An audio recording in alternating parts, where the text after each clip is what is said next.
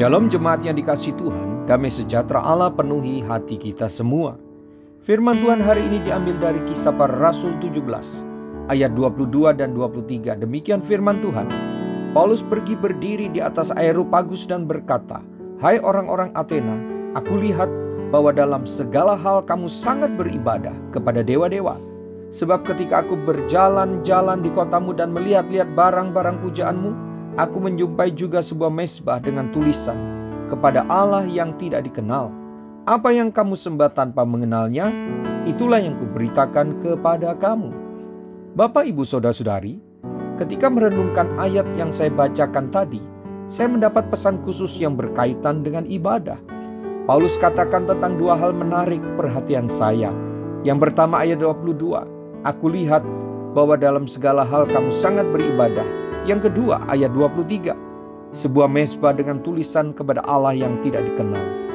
Saya memahami ada persoalan rohani yang berat berkaitan dengan ibadah, yaitu bagaimana mungkin seorang yang sangat beribadah tetapi tidak mengenal pribadi yang disembahnya, yang kepada pribadi yang tidak dikenalnya itu dia melakukan ibadah? Mari jadikan ayat dan kasus ini pelajaran dan evaluasi buat ibadah kita selama ini. Jangan-jangan selama ini ada umat Tuhan yang rajin beribadah tetapi beribadah kepada Allah yang tidak dia kenal. Wah, ini bukan persoalan rohani sembarangan. Ada umat yang beribadah kepada Allah yang tidak dikenalnya. Apa artinya ibadah seperti itu? Artinya itu ibadah yang sia-sia, ibadah buatan sendiri, ibadah untuk memberi kepuasan religius semata, yaitu rasa sebagai orang yang beragama saja. Sungguh naif Bapak Ibu Saudara-saudari, semoga tidak jika kita selama ini beribadah, tetapi tidak mengenal kepada siapa kita beribadah, tidak memahami pribadi seperti apa yang kita sembah, apakah kita pernah mempertanyakan dengan serius dan jujur kepada diri kita sendiri tentang ibadah kita selama ini? Siapa yang aku sembah? Mengapa aku menyembahnya? Apa yang menjadi kehendaknya bagiku terkait ibadahku kepadanya?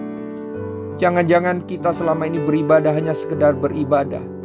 Beribadah karena kewajiban, beribadah karena sungkan kepada istri yang setia beribadah, karena sungkan kepada suami yang taat beribadah, sungkan kepada orang tua yang selalu mengajak beribadah, bukan atas dasar pengertian yang benar dan kesadaran pribadi untuk berbuat bakti, yaitu menyukakan hatinya. Mari beribadah kepada pribadi yang bukan hanya mengenal kita, tetapi kita harus mengenalnya dengan benar melalui pribadi Tuhan sendiri, yaitu Yesus Kristus.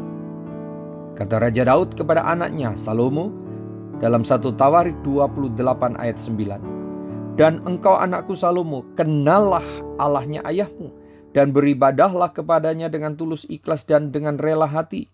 Sebab Tuhan menyelidiki segala hati dan mengerti segala niat dan cita-cita. Jika engkau mencari dia, maka ia akan berkenan ditemui olehmu. Tetapi jika engkau meninggalkan dia, maka ia akan membuang engkau untuk selama-lamanya. Kenalah Tuhan yang kepadanya kita beribadah. Dan beribadahlah dengan tulus, ikhlas, dan rela. Amin. Mari kita berdoa. Tuhan Yesus, terima kasih buat firman-Mu hari ini. Bahwa kami, bimbing kami terus semakin mengenal pribadimu dan bergaul intim denganmu. Biarlah roh kudus selalu membantu kami, agar roh kami selalu menyala-nyala dalam beribadah, baik dalam bentuk perbuatan dan perkataan, maupun ibadah dalam bentuk mengikuti kebaktian di gereja, maupun di rumah kami masing-masing khususnya mesbah keluarga kami. Turunkan berkatmu atas kami semua, berkat jasmani dan pengenalan yang benar akan Yesus Kristus. Dalam nama Tuhan Yesus Kristus, haleluya, amin. Sampai jumpa besok dengan suara gembala, firman Allah yang hidup, Tuhan Yesus memberkati.